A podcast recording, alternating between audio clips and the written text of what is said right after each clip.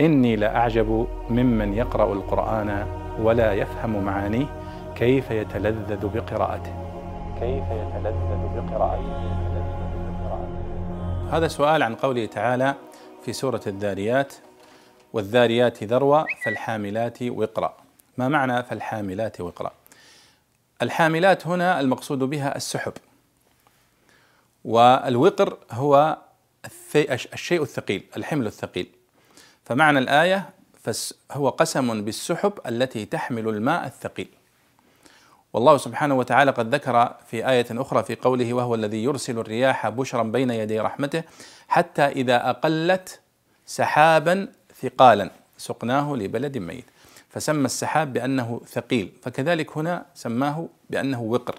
فالحاملات فالحاملات وقرا. فالوقر هو الحمل الثقيل.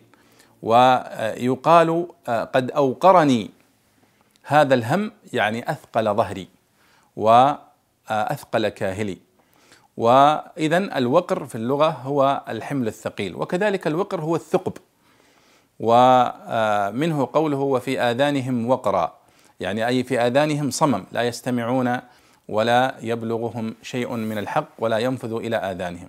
فإذا الوقر هنا في هذه الآية في سورة الذاريات هو المع... بمعنى الشيء الثقيل والماء الثقيل الذي تحمله السحب وتنقله من مكان إلى مكان والله أعلم.